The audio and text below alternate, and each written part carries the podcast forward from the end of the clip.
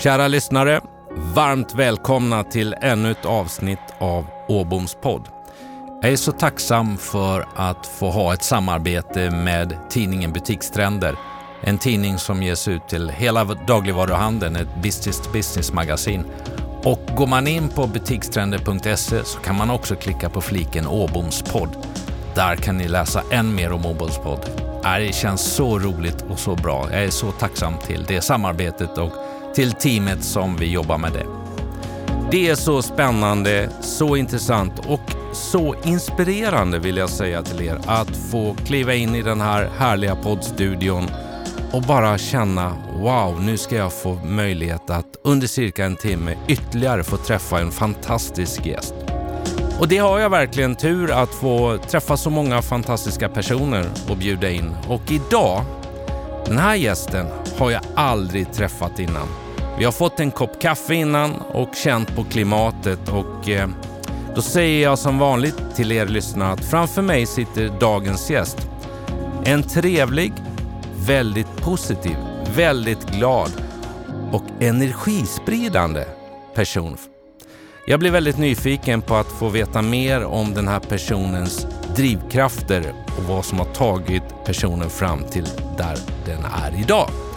Dagens gäst, ja, född i maj månad 77 i något som heter Östansjö. Och jag brukar ju skoja om det för oss stockholmare att, att Östansjö det ligger utanför Stockholm och det ligger i Örebro län. Idag bor han i Stockholm. Svensk, dansk professionell dansare. Det där med dansk har jag noterat. Det ska jag be att få återkomma och ställa en fråga till hur det kommer sig. Började med dans redan som åttaåring. Koreograf, dokusåpadeltagare, professionell poddare. Vi återkommer till vilken podd, hur och så vidare. Det ska gästen få berätta. Den här gästen har vunnit Let's Dance. Och när jag säger vunnit så är det inte bara vunnit, men det kommer vi också att återkomma till. 2008 medverkade min gäst i Kanal 5 serie So You Think You Can Dance. Varit även domare i TV3s program Talang. Varit med i Fångarna på fortet, både svensk och dansk version. Nu kommer det dansk igen. Måste vi fånga upp. Som ni börjar förstå, väldigt välkänd från olika TV-kanaler och TV-program. Är idag instruktion och ledare för eh, eventföretaget Springtime Travels. Även författare till boken Inte alltid en dans på rosor. 2014 så startade min gäst Sveriges första professionella danskompani för tiodans Move Your Feet. 2016 blev min gäst utsedd till Årets talare i Sverige och 2020 så var min gäst med och startade företaget Talarnas talarförmedling. Wow! Vilken bakgrund fram till där vi är just nu. Dagens datum i Åboms. Ja, minst sagt en intressant resa som pågår och jag är övertygad om kommer att fortsätta. Med det vill jag säga jättekul att ses och varmt välkommen till dig Tobias Karlsson. Ja, men tack så mycket. Jag tycker du har fått med allting som går på mig. Har du, liksom, du måste ha liksom, lusläst varenda meter av internet. Denna fluga som, ja, som snart kommer att försvinna. Vad hade vi gjort utan det just nu, de här ja, möjligheterna? Ja, ja, det är fantastiskt alltså, men det, gud vad mycket du har hittat. Ja, och vad mycket du gör. Och det är ju det vi ska fånga lite grann, drivkraften och dela med oss. Den här podden, den handlar om ledarskap, den handlar om drivkraften och motivation och inställning. liksom till det. Och på det så kommer vi också komma hur man kommunicerar. Du är ju en äh, väldigt eftertraktad talare, så det ska vi återkomma. Du ska få berätta för mina lyssnare om hur det är. Men eh, på något sätt så vill jag dela in poddavsnittet, ska försöka eh, att, att, lyckas med det Tobias. Eh, och det är liksom, vem är Tobias? Vad har tagit till dig till den du är och vad du gör idag? Kan du också som ett avsnitt dela med dig lite råd och tips? Jag har en blandning av unga och äldre lyssnare. Mm. Så viktigt att vara generös, inte minst i dessa tider. Verkligen. Kring det här. Och och det sista är, vad driver dig som entreprenör? Mm. Men innan det, vi ser dig i tv-rutan, mm. vi eh, läser om dig och den här beskrivningen om din bakgrund. Kan du inte ge oss lite mer om vem är Tobias Karlsson egentligen? Ja, men jag är ju så fruktansvärt lycklig att eh, leva just nu och jag tycker att jag har det bästa livet som någon kan leva. Jag är så eh, fått eh, den bästa familj i världen runt omkring mig. Jag har eh, vänner som finns där och eh, förgyller min vardag varje dag. Eh, och jag får göra det jag älskar mest i hela världen och dansa och föreläsa och eh, möta människor. Och det är jag så otroligt tacksam för. Vad är roligast? Dansa, föreläsa eller vara entreprenören? Jag tycker att det är kombinationen av de där sakerna som gör det häftigast. Att, man, att jag inte är insatt i ett fack. Jag tyckte själv att jag var smart och la alla, att jag inte la alla äggen i en korg när jag började med det här. Jag hade liksom kulturben att stå på, och dansade och stå på scen och älskade att göra det. Och så hade jag då ska säga, turen att och, och slinka in på den här föreläsarbanan och få komma ut och berätta min historia, så det jag har varit med om och kanske på något sätt så, så, så ett frö hos eh, ungdomar i, i, runt omkring i vårt land. Eh, och så även göra så här dansresor runt omkring i världen. Och, så här. Och, då, och det har funkat skitbra under många, många år att kombinera de här tre benen. Men så kom den här, jag vet inte om du har hört om det kom ett virus från Wuhan i, i våras. Nej, kan du eh, berätta? Eh, ja, precis. Det är en, en, ett nytt, en, en, en ny eh, sak som har hänt i, i världen. Eh, corona heter det i alla fall och eh, då, så mina branscher, de, de rök ju ett efter ett där.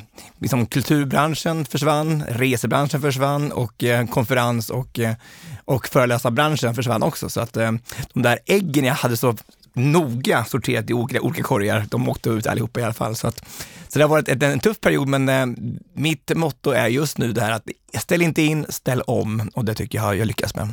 Ja.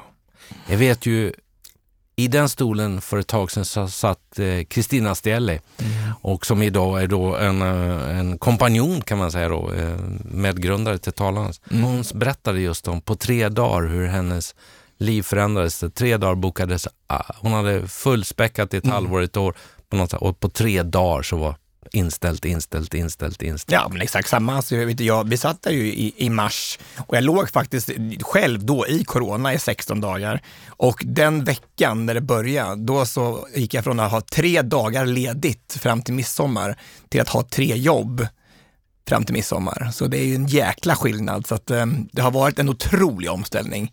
Uh, men just då, där och då, så ligger man bara och hoppas på att bli frisk. Det är mm. så att en, en människa som är frisk har ju tusen drömmar, ja. men en människa som är sjuk har bara en.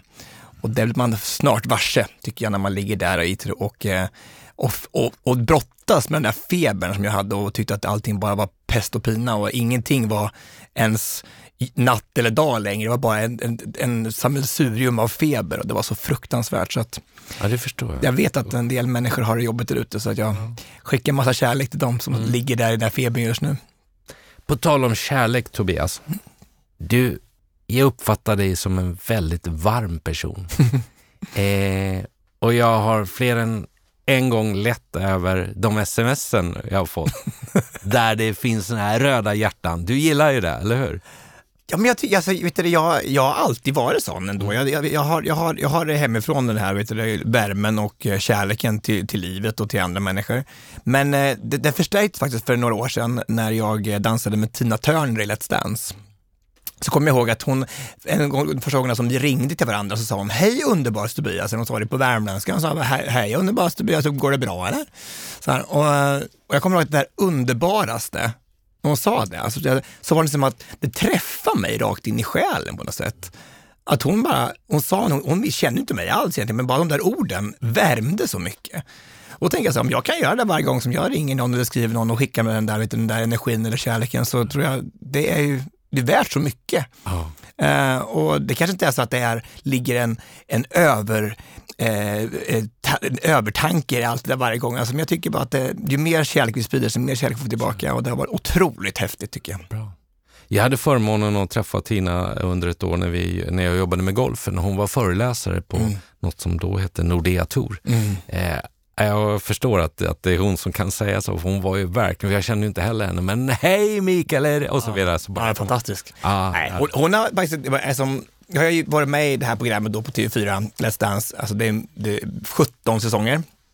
Och eh, en av de häftigaste resorna var faktiskt med Martina. Hon, eh, hon lärde mig extremt mycket. Det är faktiskt jag som ska lära henne egentligen, i tanken då. Lite cha-cha-cha och lite vals och lite steg fram och tillbaka och så. Men, men eh, de här resorna man gör med de här kvinnorna, de är så fantastiska allihopa. Men de där resorna blir lika lärorika för mig. För man lär sig, man, man, mellan de här eh, cha-cha-cha-stegen och valshållningen så, så pratar man om livet. Och de eh, samtalen är ofta så mycket värda.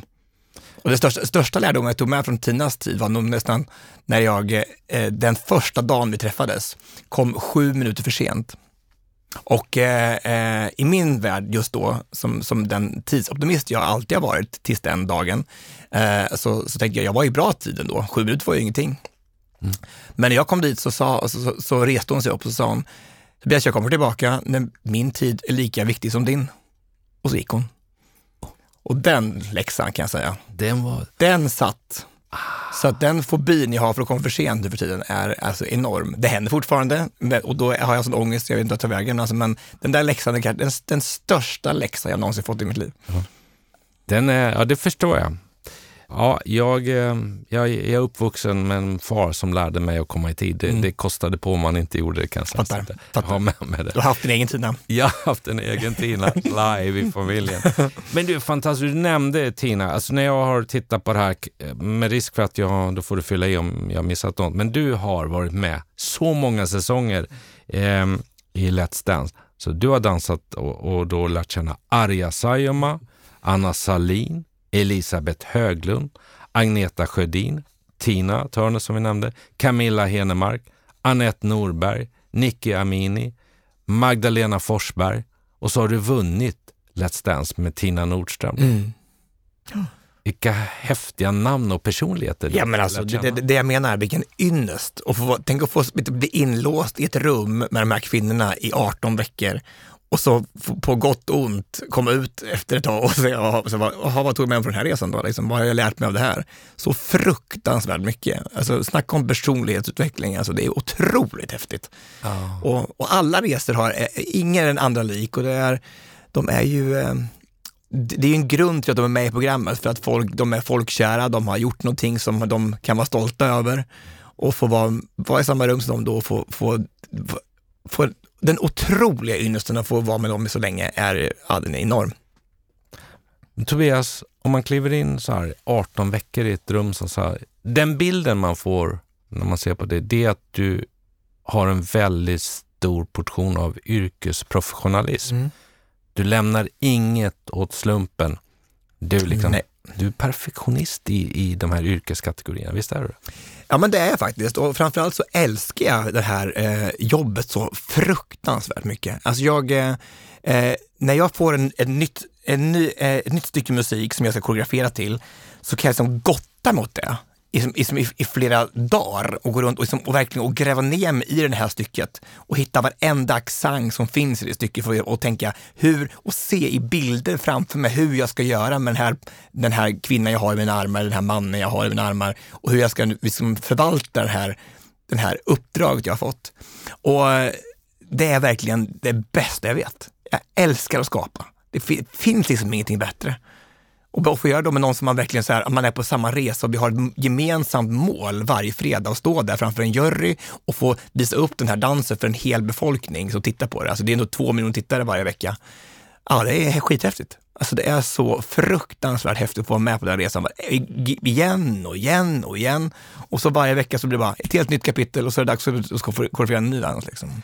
Alltså jag kan säga till er lyssnare, det när han pratar om det, så han har ju pigga ögon när han kom idag, men jag kan säga att de blev extra krispiga när du pratade ja, om det. Ja, men det är häftigt alltså. Ja. Och det, det är som att det går upp i en högre enhet på något sätt. Jag, jag, jag vet inte vad det är, men när om jag, framförallt om man, om, man, om man känner att man har ett stycke musik som man tycker om själv också så kan jag bli så här, ja, men det, ja, det är bättre, nu säger jag kanske någonting som är kontroversiellt i den här podden, men det kan vara bli liksom bättre än sex. Alltså, ja. Jag tycker det. Jag, tycker att det är... Vi växlar från ledarskap ja, Nej, jag ja, ja, precis. Nej, men jag, jag förstår, om du förstår vad jag menar, alltså för att det är, det är någonting som jag har, har jobbat med och utvecklat under så många år. Och jag har vet, blivit eh, någon typ av proffs på pardans just och hur man ska förmedla en känsla och kommunicera mellan två människor med bara rörelser och till musik. Så det är mitt riktiga element.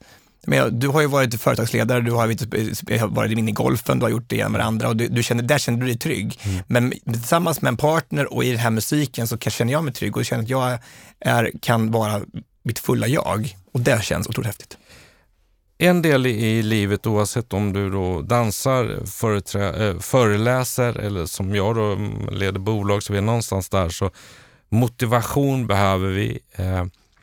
Och, den, och vi behöver utvecklas som människor, både privat och yrkesmässigt. Det är ju en resa vi gör i livet.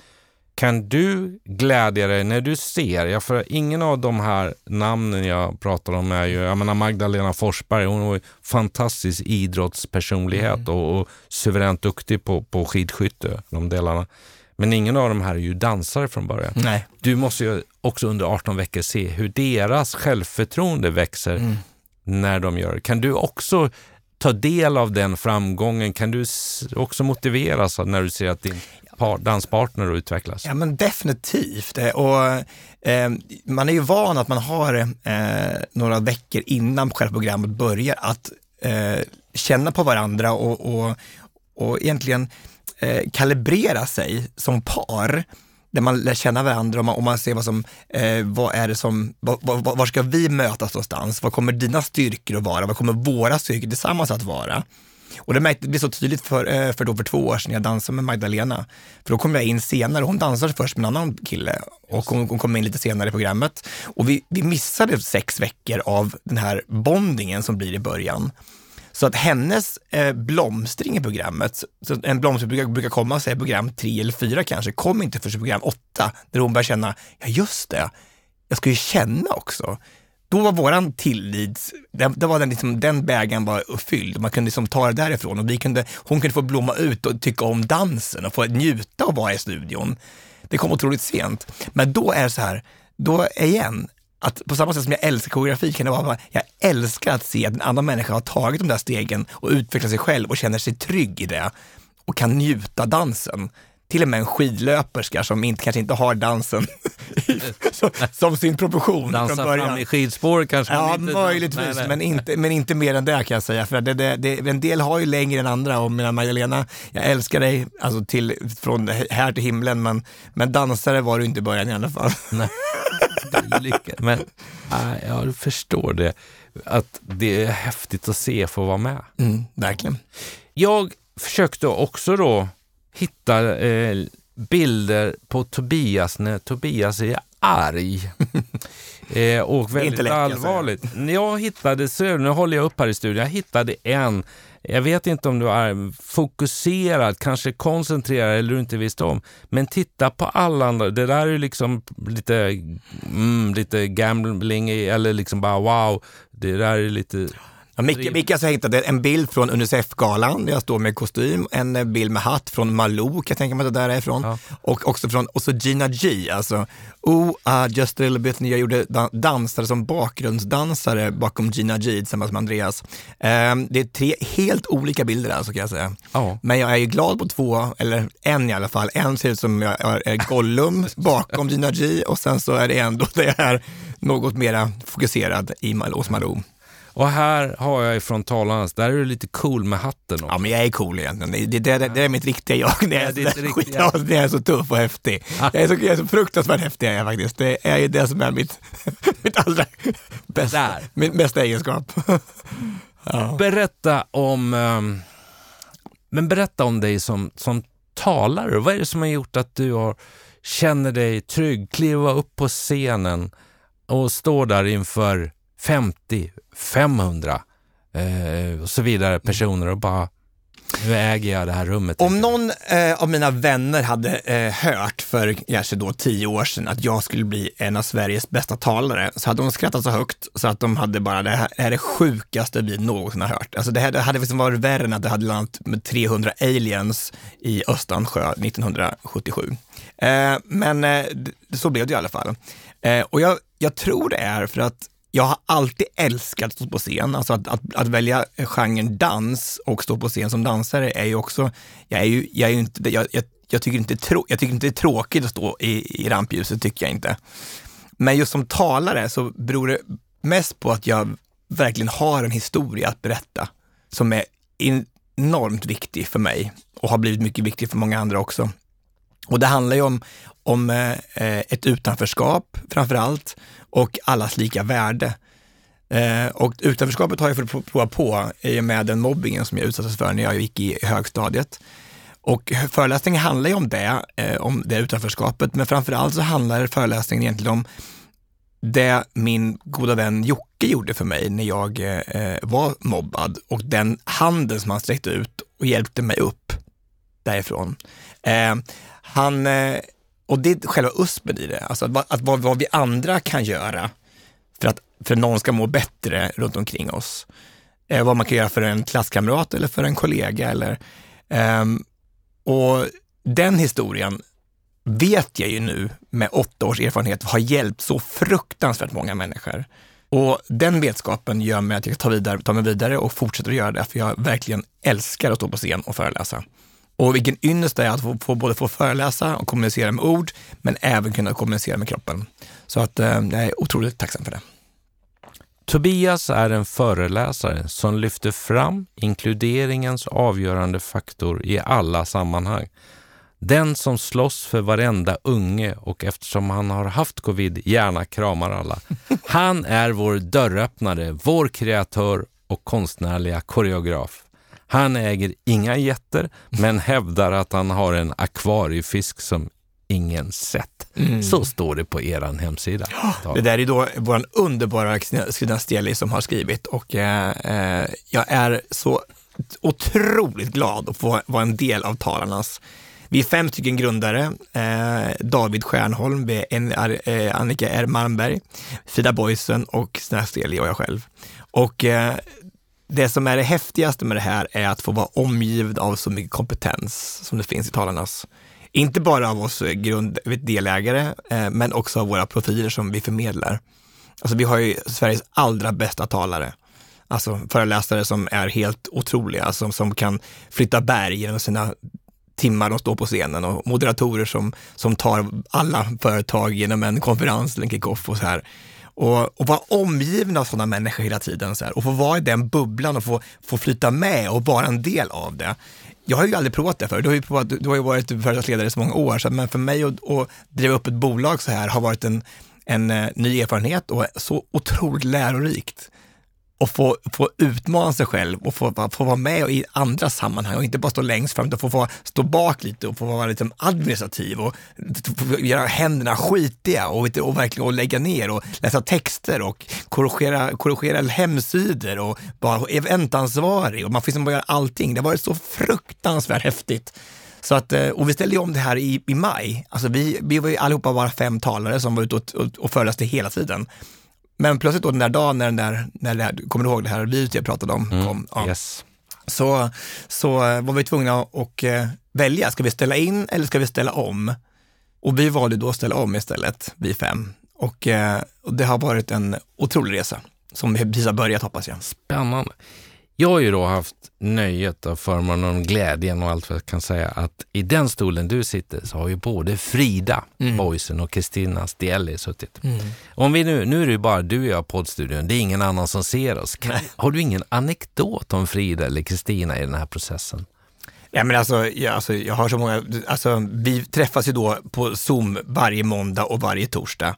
Och eh, eh ja, men alltså, jag har i, i, i Igår skrev jag faktiskt lite limrikar om dem. Ska, jag, ska jag läsa upp en Ja, gärna! Ska jag läsa upp, ska jag läsa upp faktiskt. Och det här är inte ens, det här är inte ens vet du, läst för dem än kan jag säga. Men jag tänkte jag hade varit tvungen att göra någonting, för ibland så måste man göra saker och ting så att de blir glada i gänget. Och jag tror liksom det är liksom lite min roll i, eh, på talarnas.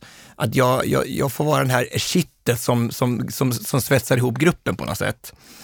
Och eh, ja, då var det så här då det här är om Kristina Stelli. Mm. Mm. Vi lyssnar. Så var det den där tjejen från kusten som för länge sedan tappade lusten, men där på perrongen såg hon en lången, tillika sexig, snygg och robust en. Ah, det är glimrande. Visst är det bra? Ah, ja, det, är, det, det är internt, det kanske man inte vet vad det handlar om, men det är ganska, ganska, ganska bra ändå. Jag tycker jag fick till ganska bra. Och sen så är det då, det måste jag berätta då här, i, i Fridas bok Mm. Frida skrev en bok precis som heter Berätta aldrig det här, om hennes mammas självmord. Och, så här. och i den boken då så är det också en, en episod när, när Frida eh, ska gifta sig med en man som har varit ihop med i sju år. Eh, och eh, no, dagen innan så tror jag på något där på, på, på möhippan så frågade hennes väninna så här, men du, hur visste du att det var han som du skulle gifta dig med? Och det hade inte Frida något svar på, för hon var kär i en annan kille. Så hon eh, tänkte jag var tvungen att berätta det här för den här killen innan, innan jag, vet, innan jag gift mig och gör ett stor, det största misstaget i mitt liv. Så hon går och säger det då och då står de i en park och hånglar och då kommer hennes blivande make och svärmor då kom gående i den här parken av en slump och såg dem. Har du hört? Det är en sjuk historia. Så, det är, alltså, ah. så jag skrev så här om Frida. Det fanns en flicka som tveka på vem Amors pilar peka. Men tjejen var stark och mitt i en park fick svärmor dra ensam och leka.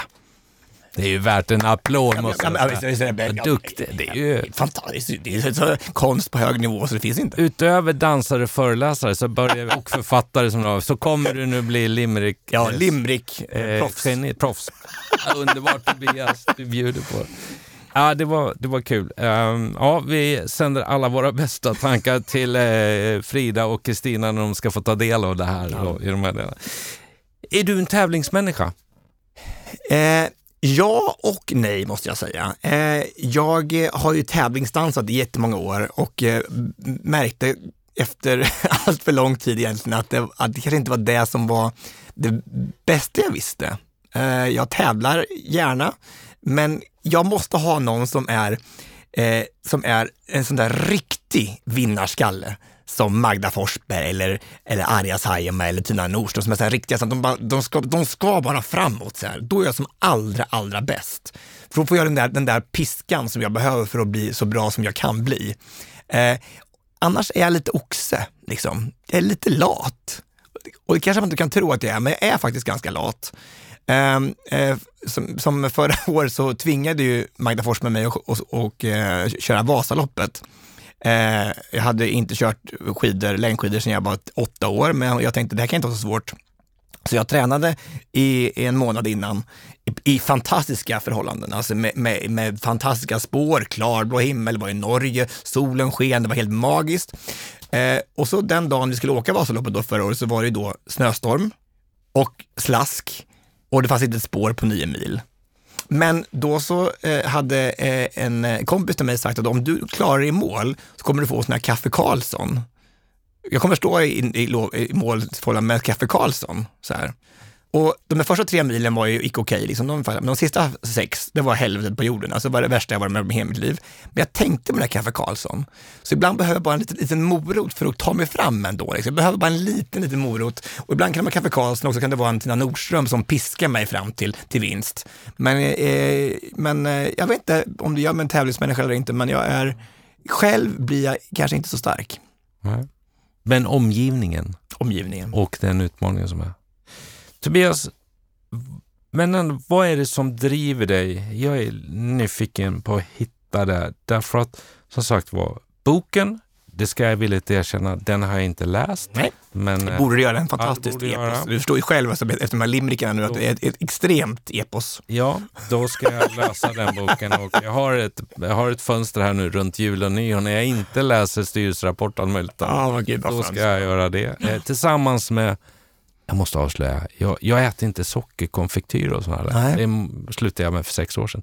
Men till julen, att få sätta sig i soffan och äta hemgjorda fudge som eh, har jag varit uppväxt med sedan min barndom och som min fru har lärt sig och svärmor gör dem det är min höjdare och då skulle den boken antagligen passa bra. Ja, det passar väldigt bra. Speciella faktiskt. Mm.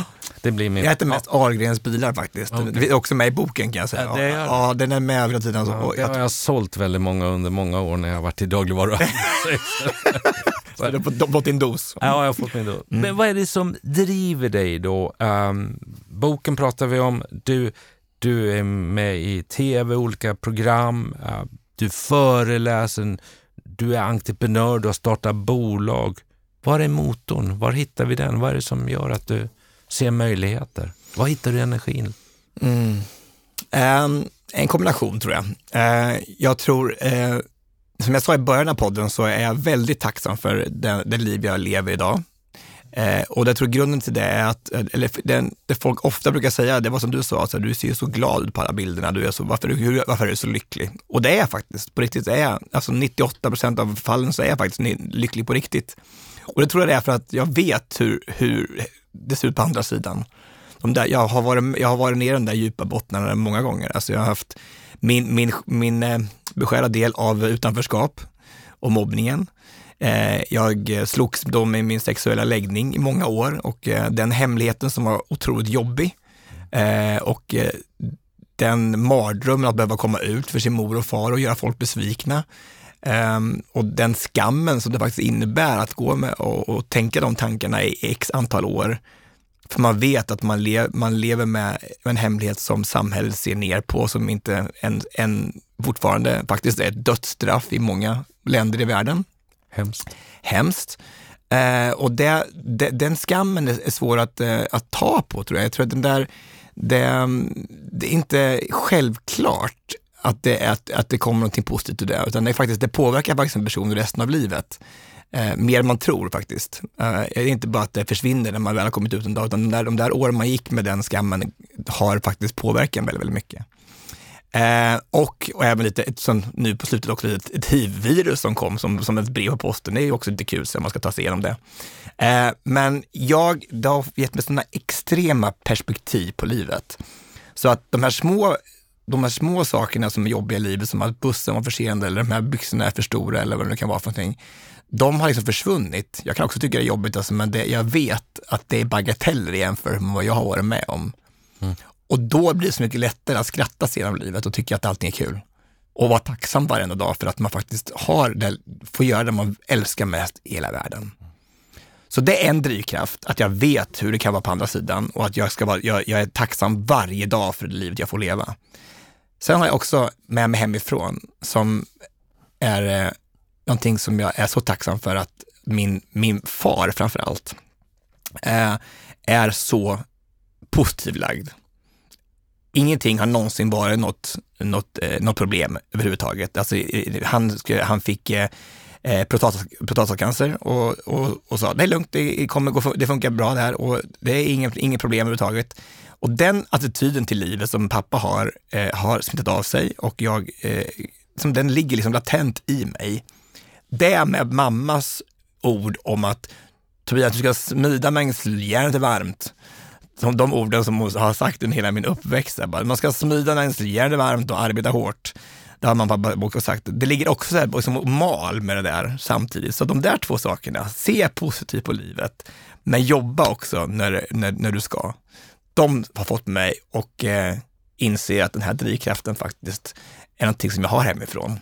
Eh, så att jag tackar mamma och pappa för det det där var väldigt fint. Får jag säga så? ja, men det jag blev, wow. Eh, jag gillade det. Det var väldigt fint och att ta med sig eh, till er lyssnare.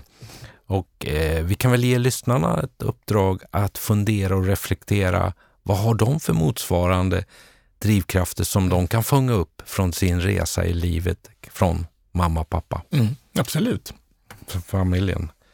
Tobias, vi sitter i en härlig poddstudio. Du är, eh, som jag sa när vi började, så Kanske är... en av de finaste poddstudion jag varit i kan jag säga. Ja, jag har varit ganska många, men det här är väldigt snyggt. Massa snyggt ljus och, och det, är väldigt, det ser väldigt ombonat ah. ut. Det är samma vet du, arkitekt som, som, som gjort Spotify-studion har jag hört och, och det finns sådana här RTG-lampor och sånt där. Jag har fått extremt mycket information. Ja men visst är den fin här. Readmans to go, eller hur Tobbe? Eller Kristoffer ja, Det är Kristoffer och Sara som väl, kör den. Han är väldigt stolt över den här det ser man bara när man kom in här. Det var så här, väldigt stolt. Ja, det, skönt. det ska han vara. Verk, verkligen. Ja, jag stortrivs här. Jag tror att eh, jag har gjort eh, drygt 20, jag borde ha räknat, jag tror att det här är 25 mm. eller 24 eller 26 någonstans där. Det ska vi kolla eh, naturligtvis. Men du har också en egen podd som mm. du har ihop med en eh, vän och kompanjon, då, Gabriel Fors. Vet ja. Eh, jag har passat på att gå in och lyssna på lite olika avsnitt. Jag, jag vet inte hur många ni har gjort, det, är massor. Vi ska göra vårt 237 nu i, idag faktiskt. Eh, tack, jag, jag böjer mig ner och säger wow, kan man få gå på kurs? Eh, där fångade jag bland annat vid det tillfälle, ni är roliga när ni pratar om ni är ju verkligen högt som lågt. Mm. Den här är ju väldigt mycket mer nischad i det personliga drivkraften, men ni är ju högt som lågt. Och, där, och kopplat till då att du gillar hjärtan, eh, så fångade jag i en av de här där att eh, du hade lyckats på din, ditt varma, charmerande sätt också få eh, en person du kommunicerade med att få hans fru var svartsjuk därför att du hade skickat typ fem hjärtan i sms. Ja, faktiskt väldigt sjukt alltså. Det är det sjukaste på riktigt. Alltså, det kan, ibland så får det faktiskt bakslag den här lite kärleken man har. Alltså, det, kan, ibland är det inte, faller det inte alltid i ovan jord.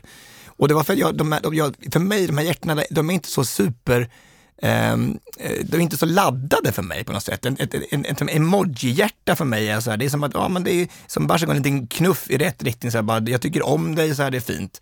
Men det kan tydligen uppfattas på ett annat sätt. Ja, och jag skickade det alltså till vår tekniker, eh, eh, de här fem hjärtorna, mm. och, eh, och han är då tillsammans med, med en, en, en tjej från ett annat land. Och, fly förbannad helt enkelt. Alltså, alltså på riktigt, alltså, bara var helt säker på att han hade en affär med mig. Och så här, bara, så att, han vågade inte ens säga att jag var homosexuell, för då hade det blivit spett på det här ännu värre, att det blev ännu värre mitt hemma på, i, i, i vardagsrummet. Så att, så att, nej, men det, var, det startade tredje världskriget faktiskt. Det gjorde det? Ja, det gjorde det. Ja. Okay.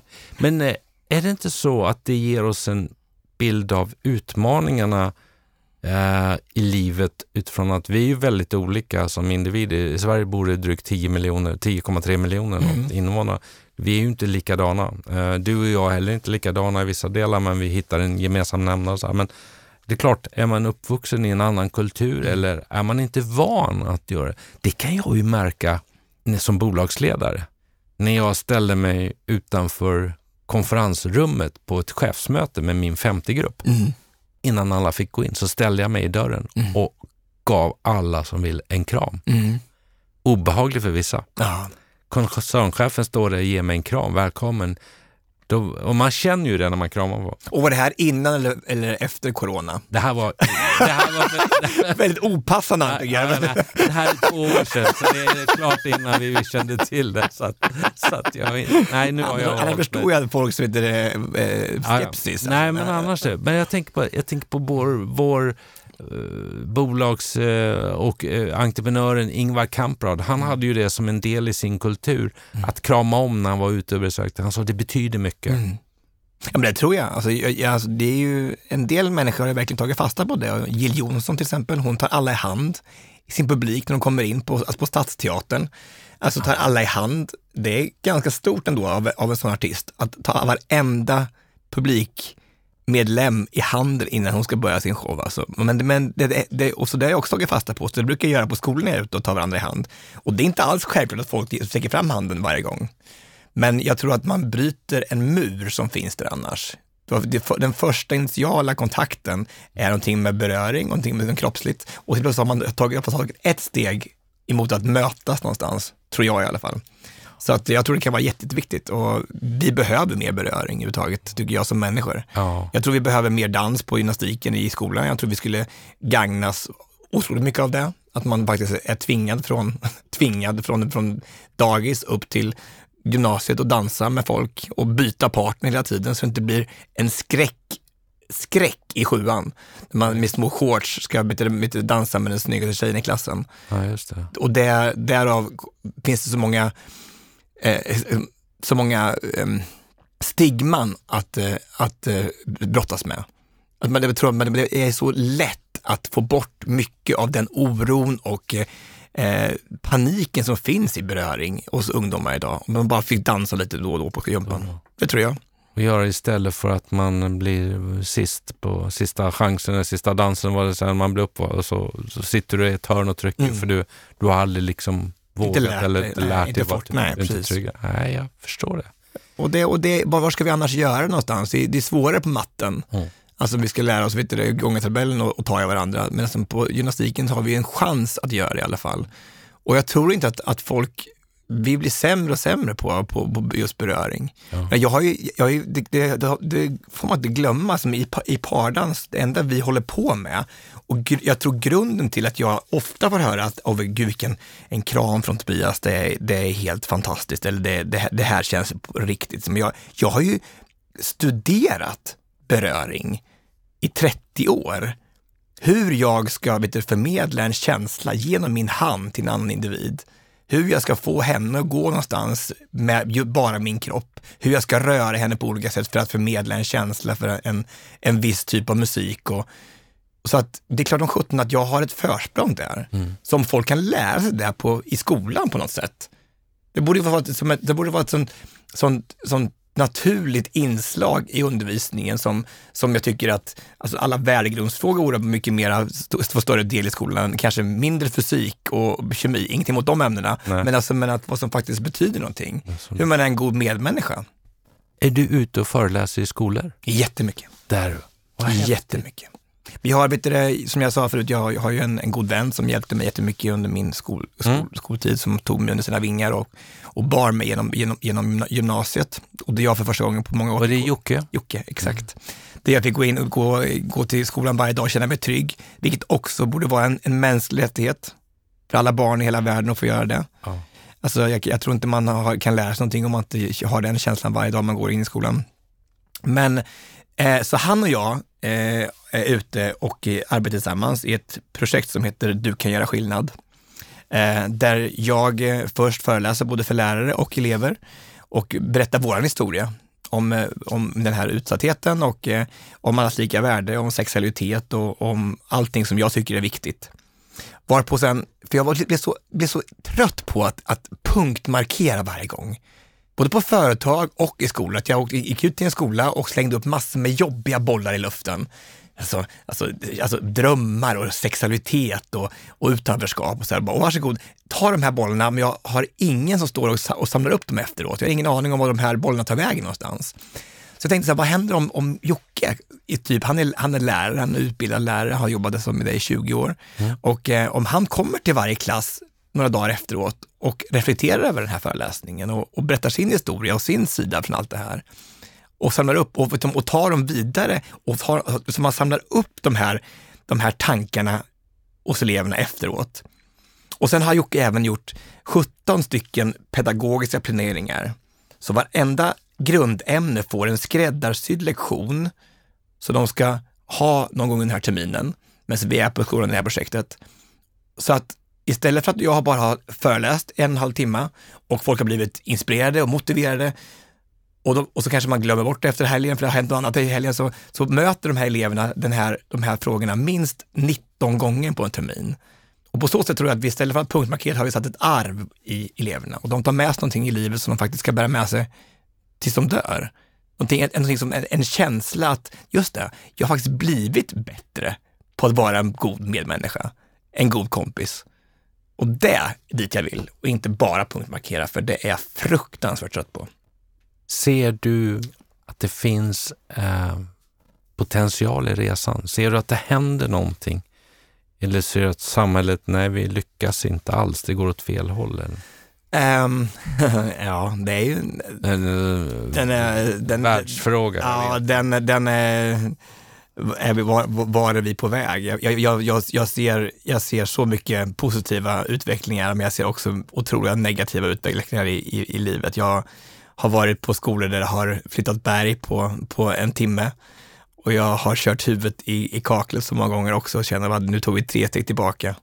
Jag menar, jag, för, förra, förra året så var jag nere i Sölvesborg i, i tre dagar och föreläste om man kunde ta på segregationen i en, i en aula med, med 500 åttondeklassare. Där det inte plötsligt inte är själv, självklart att alla har lika mycket värde. Och den vetskapen och den, den aha-upplevelsen att man, man möter de andra ondskefulla eh, makterna i ett rum med 14-åringar eh, är ganska så jobbigt att stå som, på scenen som ensam föreläsare. Ja, det förstår jag. Wow. Vi pratar mycket. Jag har ju förmånen att ha två härliga barn, 22 och 24 år. Snart, ja, nu är de snart 23 och 25. Mm. Ehm, vi pratar väldigt mycket om tacksamhet om eh, att förstå vad vi har fått och möjligheter och vad vi bor i för land och stad, vad vi kan göra och vad är vårt ansvar att lyfta blicken och se, kan vi vara generösa på något sätt och förstå att alla har inte det på det sättet.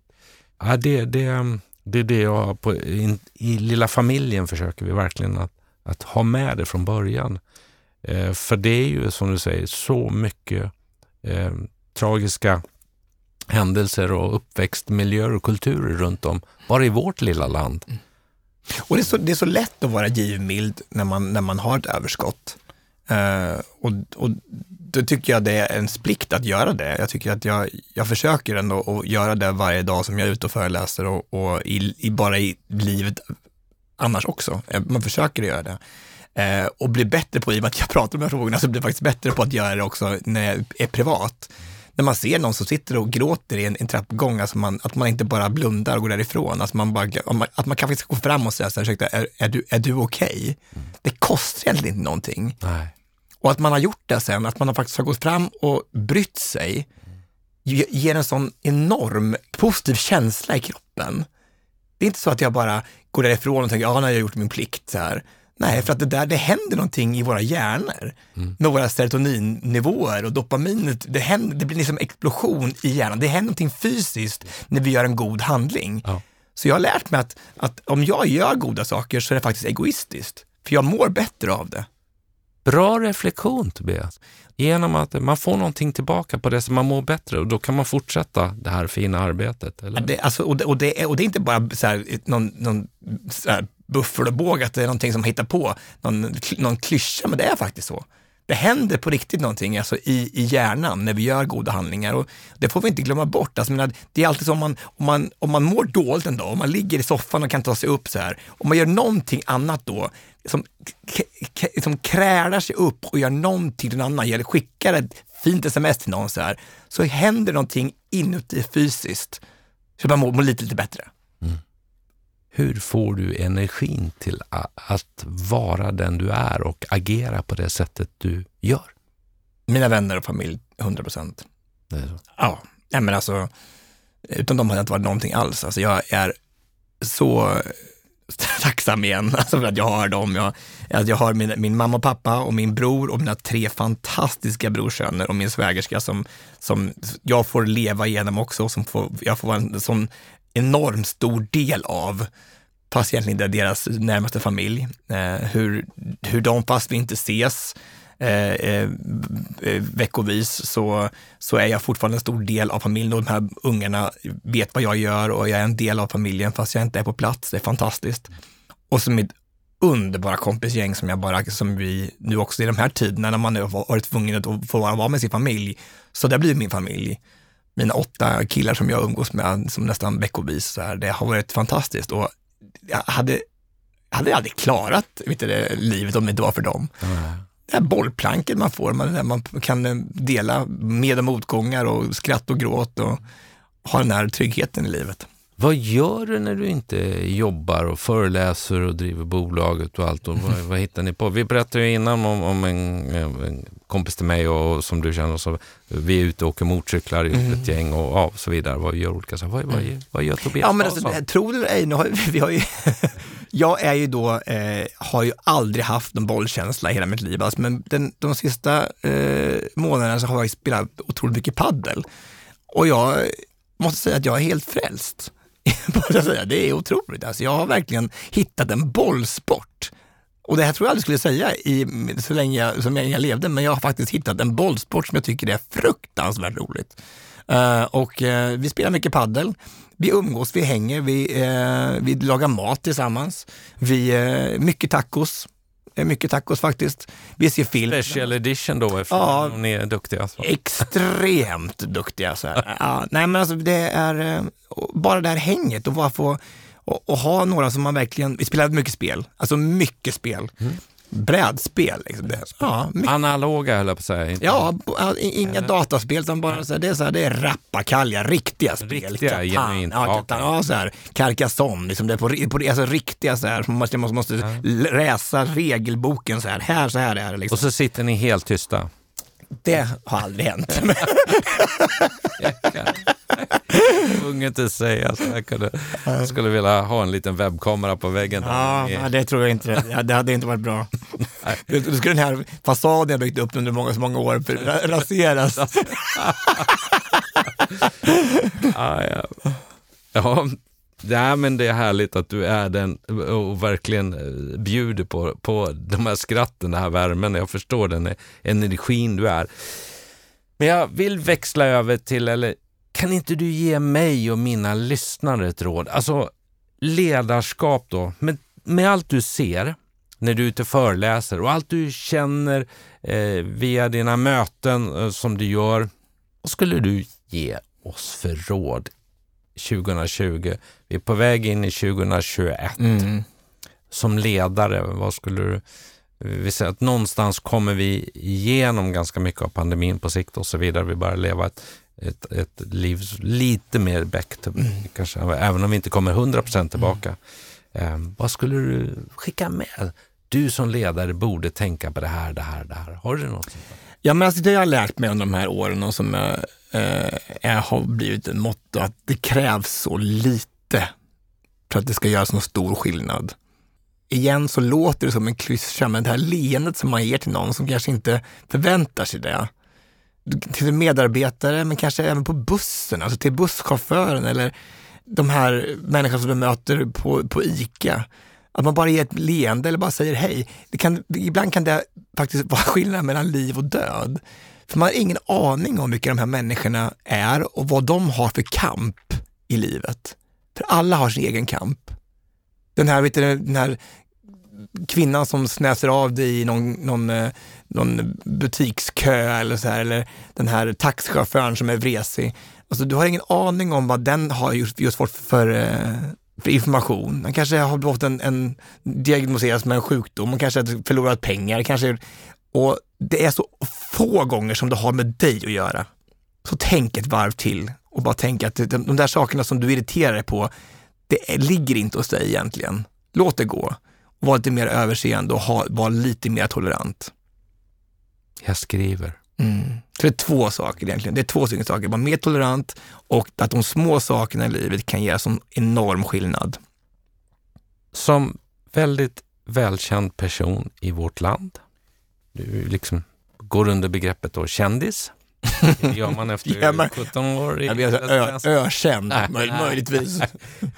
Men har du, kan, du vara, kan du agera på det sättet om du ser något sånt på stan eller blir det, är de där och fotar eller hur blir det då? Kan du agera och ge den där extra kommentaren att, eller tänket varv? Ja men absolut, alltså jag, jag, tycker, jag har, ju, har ju en plattform att göra det ofta tycker jag. Jag tycker inte att det är någonting som håller mig tillbaka. Jag, jag, eh, jag har ju valt att använda mitt eh, då semi-kändisskap till att göra gott tycker jag själv. Alltså, och det har öppnat enorma dörrar. Och alltså det, det, jag har aldrig någonsin känt att det har tyngt mig på något sätt överhuvudtaget. Det är väldigt få gånger som det har, jag har fått några negativa kommentarer ens på, på sociala medier. Eh, klart att det har hänt, alltså det, det, det är inte så att jag har gått ob, ob, liksom obmärkt förbi så, men, men eh, extremt privilegierad tycker jag har jag varit. Eh, och eh, kan nyttja det till någonting till gott. Så jag hoppas att jag fortsätter göra det och att det, att det, att det, inte, att det inte vänder nu och jag har massa skit överallt, men jag hoppas inte det. Jag hoppas inte det. Ja, det tycker jag verkligen. I inledningen av podden så nämnde jag det här med svenskt och dansk. danskt. Var kommer det ifrån? Jag måste fånga upp ja, den igen. Det är för jag, eh, jag flyttade till, till, till, till Aarhus på Jylland i 2000. Så jag bodde i, i København i, uh, i först i Aarhus i fem år, så bodde jag i København lige i tre år. Uh, så de, så de, de åtta år har lige lavet, at jeg, jeg, jeg føler mig lidt dansk. Snackar bra dansk.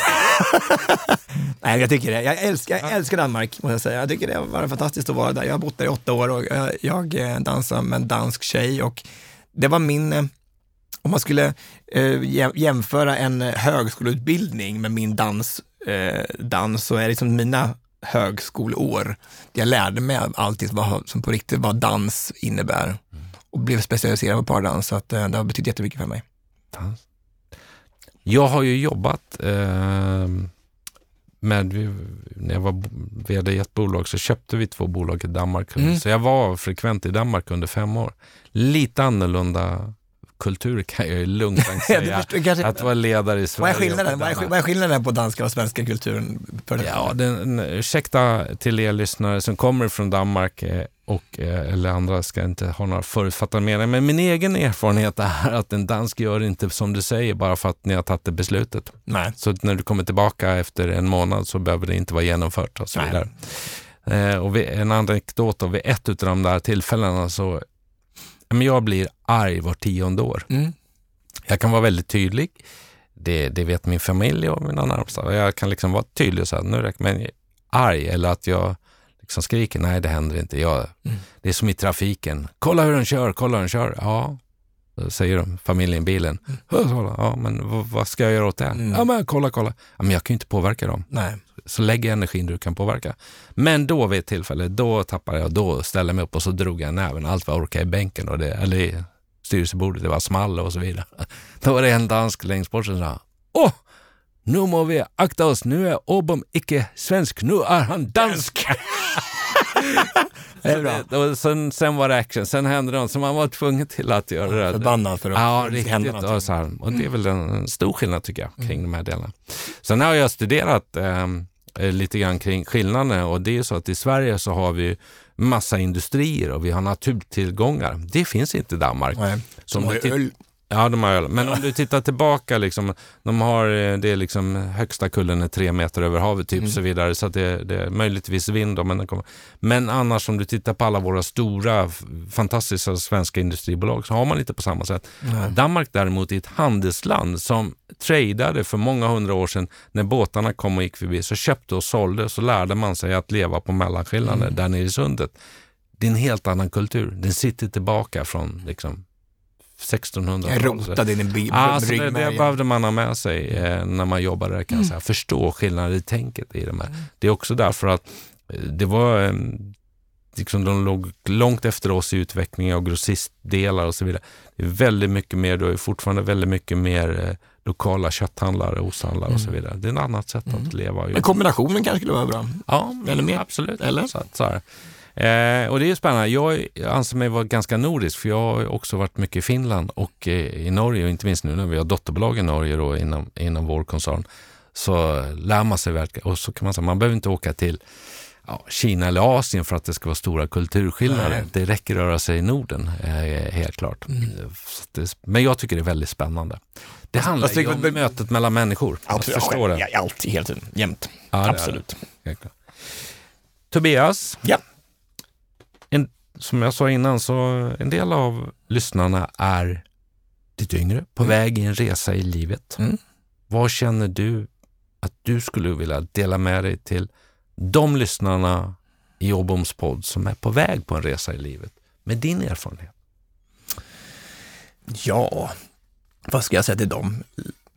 Nej, men alltså de, de elever som jag träffar ute på skolorna så här, det är det ju nästan sam, samma budskap som till en företagsledare. Alltså man, att, att de små sakerna i livet också kan göra stor skillnad. Men det spelar ingen roll om det är en arbetskollega inom, inom ett företag eller om det är ett klassrum som det händer. Och det, det Jocke gjorde för mig, det som är själva grejen med det är ju att han tyckte inte han gjorde någonting överhuvudtaget. Han eh, hängde mig på, på rasterna och jag fick en trygghet i det och någon som drog ut stolen i, i, i matsalen och sa se här får du sitta, här har du en plats. Eh, en sån liten sak som är, verkar som, som en bagatell egentligen kan göra skillnad på en hel vecka för någon som inte har det annars och känner att någon faktiskt bryr sig och någon ser en överhuvudtaget. Så att eh, försök att se dina, vet du, dina kamrater i skolan och försök att vara en, en god medmänniska, vara en god kamrat. Och det kräver inte så mycket, men det kan göra sån enorm skillnad och jag lovar, ni får tusenfalt tillbaka. Jag skulle ju verkligen vilja säga stort tack till den där Jocke. Som jag inte har träffat, men, men eh, wow säger jag över personligheten och insikten och vad han, vad han agerade som medmänniska. Ja, och det, och det är klart att han är helt magisk på så sätt. Jag tycker ju att för mig är han ju är som värd allting i hela världen, men det, det som är själva grejen med den här historien är att han tyckte ju inte att han gjorde någonting alls. Och en del människor har ju bara den där förmågan, men har en typ av oskriven status som eh, andra människor lyssnar på. Och om man känner på sig att man har en sån status i en hierarki, i en klass eller i, på ett företag, i en familj, i en församling, så kanske man ska ta den makten man fått och, och, och förvalta den väl. Och välja att jag vill göra det här, göra någonting gott av det här. Och det krävs så lite för att göra sån fruktansvärt stor skillnad. Och det skulle jag vilja att fler människor insåg i vårt land. Det skriver jag under till 100 procent på. Mm. Helt klart. I dagens brus, media, sociala medier och allt, är det svårt att kommunicera och nå ända fram. ja, det beror på om, om det handlar om marknadsföring av saker och ting så är det absolut det. Alltså, det är det där med att hitta rätt målgrupp och hur når jag fram och vad ska jag använda för, för media, det är ju så fruktansvärt svårt alltså. Så att, eh, ja, nej, det, och det är ju en, en mentalitet som är att man ska, det som skriker högst hörs mest. Men jag kanske, man kanske ska göra tvärtom. Försöka hitta din, din inre röst istället. Det försöker jag jobba med i alla fall så mycket jag kan. Värderingar. Jag eh, brinner för värderingar i mitt ledarskap och i min personlighet. Att jobba med det. Jag ser att det är väldigt viktigt. Jag märker också när de olika bolag jag varit i, när man kliver upp på styrelsebord och pratar om värderingar. Det tar en stund innan det landar. Mm. När jag säger att för mig, när jag somnar extra gott, det är när jag har sett att människor i min verksamhet har flyttat fram sin, sin, sitt, vågat liksom utveckla sig, gå framåt, bidragit, har levt värderingarna. Då, jag säger att det är ett sista raden med siffror, behöver inte bara vara siffror. Det kan vara sista raden med utveckling av människor. Och det går jag igång på och brinner för. Mm. Eh, och det är en liksom, mognad att våga landa i det lite grann. Men vad är värderingarna i ditt eh, sätt att, att jobba och leda? Har du något så här, som du säger, det här står jag för, det här är mina värderingar, det här är min ledstjärna? Eller? Ja, men alltså jag, jag föreläser om allas lika värde och jag, jag kommer att uh, kämpa den kampen tills, tills jag dör. Att, eh, att, att eh, uh, tycker att det är, är ju en sak som vi måste leva efter och som ska vara en sån otrolig mänsklig rättighet att få, få känna det. Att det spelar roll vem du är och vad du är. Men det, jag, kan, jag kan inte ens räkna på, på, på äh, alltså, alltså så många gånger som jag får frågan så här, det här behöver vi verkligen Pride, Tobias? Så här, behöver vi Stockholm Pride, det här spektaklet i Stockholm varje år? Så här. Jag bara, ja, det gör vi. Tills den dagen när alla människor var sig själva 365 dagar om året så kommer vi behöva Pride. För det bevisar bara på att vi inte är där än. Det är inte självklart att alla får vara sig själva. Nej. Och framförallt inte att vi i världen har kommit någonstans överhuvudtaget. Vi kanske kommit en bit på vägen i Sverige. Men som sagt, i sju länder i världen är det fortfarande dödsstraff på att vara homosexuell eller vara en del bara av hbtq-familjen. Och det är ju det är skandalöst det ska vara så. Mm. Att folk blir torterade i Tjetjenien tills de berättar varenda homosexuell kontakt de har i telefonboken. Att man i Uganda pressar ut människor som är homosexuella i en sjö och de trampar vatten tills de inte orkar längre. Det är så de löser problemet i andra länder i världen. Och till den dagen som det problemet är löst, som egentligen är, det är ett icke-problem. Det är ingen som skadar någon, det är bara så här, bara en, jag vet inte ens var det kommer ifrån, mm. den här rädslan, fobin för någon människa som är annorlunda, så kommer jag stå där på barrikaden och kämpa för att det ska vara alla människors rättigheter i hela världen. Väldigt starkt och tydligt och fint Tobias. Helt klart. Och jag, mm, du nämnde Stockholm Pride. Vi, vi, har ju, vi är med där via en av dotterbolagen som är familjejuridiken. Mm. Familjejurist och när de medarbetarna är. De är väldigt stolta på de mötena de får göra och vara med där. Och, är de, och vi lägger ut, när vi får se bilder och reportagen vi lyfter in på våra intranät. Så att jag förstår det. Men så viktigt då att, att, att, att ni och andra vet företagare är med där och stöttar Mm. och säger att det här är en självklarhet. Att det här måste få vara, vi måste vara en del av samhället, att alla står bakom. Mm. För Pride-festivalen är inte bara för homosexuella, bisexuella, eller trans eller queer, det är för alla människor. Mm. Den här flaggan som är så kontroversiell, alltså den här regnbågsflaggan som kan fortfarande kan reta gallfeber folk. Jag skulle, in, jag skulle, in, jag skulle in, eh, invigstala i, Askersund, en liten, litet samhälle utanför eh, Hallsberg jag kommer ifrån nu i höstas. Så här. Och de hade gjort en, en installation med en flagga runt ett vattentorn på den här prideflaggan så här. Och stället blev bombhotat. De hade lagt en bomb på vattentornets trappa där jag skulle stå och invigstala.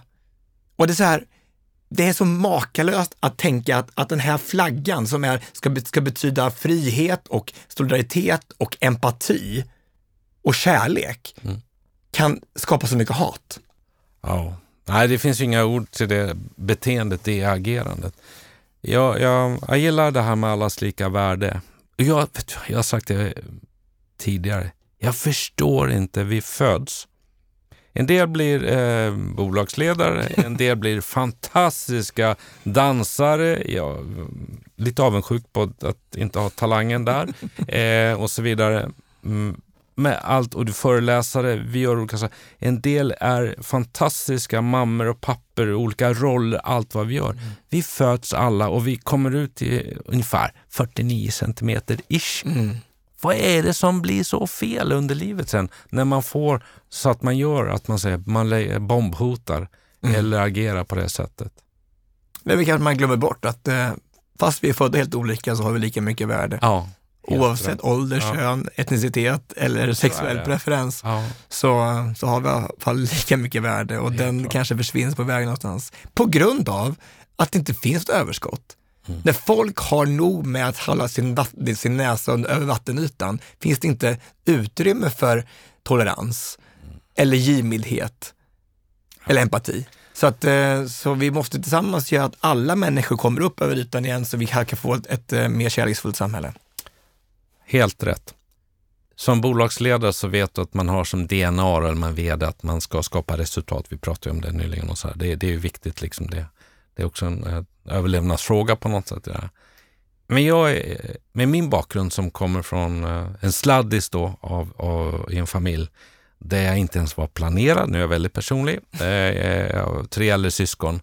Min syster la på luren och grät när hon fick en tredje brorsa. Det var starten i livet där. Så har jag fått en tacksamhet eh, med mig i livet som, som också då, jag brukar, alltså den, den enkelheten. Så när vi fattar beslut eller när vi träffas, och jag vet vi har haft händelser under min, min yrkeskarriär, på måndagar, ledare och så vidare. Jag vet att jag sa det till en utav ägarna i ett bolag. Men du måste förstå, så jag. Du och jag, vi har haft en bra helg. Vi, vi har kunnat betala våra räkningar i tid. Vi kommer hit. Men att alla är supertaggade och står på barrikaderna klockan åtta på måndag morgon. När vi inte vet om det har hänt något i familjer. och det. Det skulle jag också vilja skicka med till lyssnarna. Att, att just, du sa ju det här, ja, men ta, tänk ett varv till. Mm. Vi har ett ansvar som, som ledare med vår avdelning, vår affärsområde, vår enhet, vårt bolag som vi bygger upp. Att tänka ett varv till för att faktiskt se till. Alla har inte haft kanske en bra helg Och checka in. och checka in. checka in. Alltså hur många företag checkar inte in? Och det kanske, det kanske låter som en töntig grej det här på morgonen när man ska bara, har du haft en bra helg? Hur mår du just nu? Så här. Och att bara man får chansen att säga om, om någonting trycker en så måste du komma ut. Annars kommer det gå att dra på det hela dagen. Du kommer, att, du kommer framför allt att inte ha en positiv inverkan på ditt företag. Tobias, drygt en timme. Jo, Det går fort. jo. Det går fort. Jag skulle gärna vilja prata om de här eh, värdena och eh, allas lika värde ä- ännu längre med dig. Och Det kanske jag får möjlighet till att göra framöver i något ytterligare tillfälle, vilket jag hoppas på. Det har varit otroligt trevligt att få bjuda in dig Eh, och får säga tack till Kristina som hjälpte till med det. Då. Tack och, detsamma. Ja, att få träffa dig, så här, sitta ner den här fredag morgonen när vi träffas i de här. Jag har haft förmånen att ha Tobias Karlsson i studion som eh, inleder med så här, men jag är fruktansvärt lycklig, jag är fruktansvärt glad. Och det har ni ju hört och det har jag ju också försökt att förmedla genom programmet att det verkligen är så. En person som älskar att dansa, älskar att föreläsa, som har mycket energi i sig och är entreprenören. Som har lärt sig att 10 000 drömmar, förlåt, 1000 drömmar kan vi ha som friska. Men när man är sjuk så har vi bara en dröm och det är att bli frisk. Och det fick du uppleva när du landade i covid här mm. tidigare. Eh, du har berättat om 18 veckor där du får krypa in i ett dansrum tillsammans med en partner och eh, där du är perfektionisten, där du utmanas och där du får verkligen komma någon in på livet och utveckla den personen. Det som vi normalt sett ser som då en nöjesprogram på tv, men som är så mycket mer för er. Mm. Du är en talare, du har en historia att berätta. Den bottnar i utanförskap under uppväxten. Den, eh, du har berättat om vännen Jocke mm. som sträckte ut sin hand, drog ut stolen, såg till att du kom till rätta kring de här delarna. Och det här bland annat är ni ute i skolväsendet och föreläser. Och ni föreläser om allas lika värde. Och du säger att det krävs så lite, det där leendet på stan mm. eller till en kollega. Att säga hej. Eh, att vi som vuxna människor faktiskt tänker ett varv till. Mm och att vi ska i samhället 2020, när vi är på väg in i 2021, vara lite mer toleranta. Den drivkraften som du tar med dig, eller som ha, du har, det är från en egen erfarenhet på olika sätt. Du har eh, också skapat den utifrån det vi har pratat om, sexuell läggning, vad det inneburit att komma ut med det. Du vet av egen erfarenhet. Pappa till dig har alltid varit positiv mm. och det har han verkligen lyckats att förmedla och gå i arv. Det har du fått i ditt DNA. Och din mamma har då istället skickat in Tobias, smid medans järnet är varmt. Bra. Och det har drivit dig. Eh, och, och, där har du, och du har en beröring. Du har en beröring i studion. Du har en beröring eftersom du har dansat med andra människor, hållit i deras händer. Det har du samlat ihop i 30 år och mm. vet att det fungerar. Och du mår bättre bättre genom att vara generös för att du själv får energi tillbaka och får loss de här endorfinerna mm. tror jag, i kroppen. Rådet som du skickar med till mina lyssnare, våga faktiskt hitta din inre röst i det här och jobba för allas lika värde. Och sedan att vi har förstått att Tobias efter alla dessa år också har blivit ett bollgeni genom att bli frälst på padel. ja, det. det trodde vi inte. Nej, trodde Nej, inte. det var ny faktiskt för den här ja. podden. Jag tänkte, det är första gången som jag verkligen som jag avslöjar det här faktiskt och jag kan stå för det stolt. Ja, stolt. Ja. Um, Tobias, jag skrev innan, eftersom vi inte har träffats, jag har skrivit ordet att jag tror att jag kommer få träffa en gäst som är glad, ärlig, vänlig och ett sanslöst energiknippe. Jag tror att ni lyssnare håller med mig om att jag prickade på de delarna. Ja, det känns inte så bra. Superkul att få träffa dig på det här ja. sättet och tack för att du tackade ja och satte av tiden. Ja, men tack själv. Vad fantastiskt kul att vara här och kul, vilket underbart samtal. Tack. Gläder mig. Jag kommer att må gott när jag åker härifrån. Har mycket energi så du vet det. Mina gäster får avsluta och jag ber dem nämligen att välja en låt som just nu betyder något eller som man gillar eller under livet whatsoever. Mm. Vad kommer vi att få lyssna på som avslutning på dagens samtal? Tobias? Ja, men jag tycker vi behöver en, en låt av någon som eh, personifierar det här med värme och energi och det är eh, vår underbara Helen Sjöholm som eh, i veckorna har tolkat andra människors musik i Så mycket bättre. Och eh, för några veckor sedan hörde jag då när hon tolkade Jakob Hellmans Hon har ett sätt och sjunger Han har ett sätt om sin egen man och den tycker jag värmer mig inifrån och ut. Då ska vi lyssna på fantastiska Helene Sjöholm. Tobias, jag önskar dig allt gott. Eh, lycka till med eh, resan i livet, både som privatperson och som entreprenören. Och tack för att du har varit här och delat med dig av det. Må så gott. Tack själv. Tack. Han har ett sätt att säga du jag inte trodde fanns. Hans garderob den följer inga enkla lagar om obalans. Han har små rynkor utav skratt och spår av silver i sitt hår. Han är en man jag väntat länge på men aldrig förut sett någonstans. Han har ett sätt att hålla över kroppen stilla när han går. Att le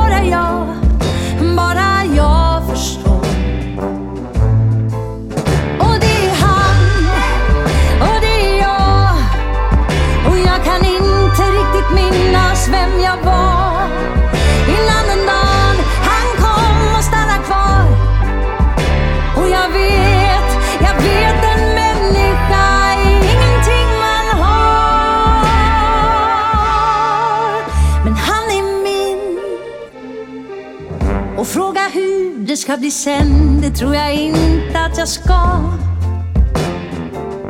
Blir ändå aldrig som man tänkt sig och planerat att det ska vara. Finns ingen annan som stör mig och berör mig som han. Finns ingen värld jag kan tänka mig där vi två inte har varann.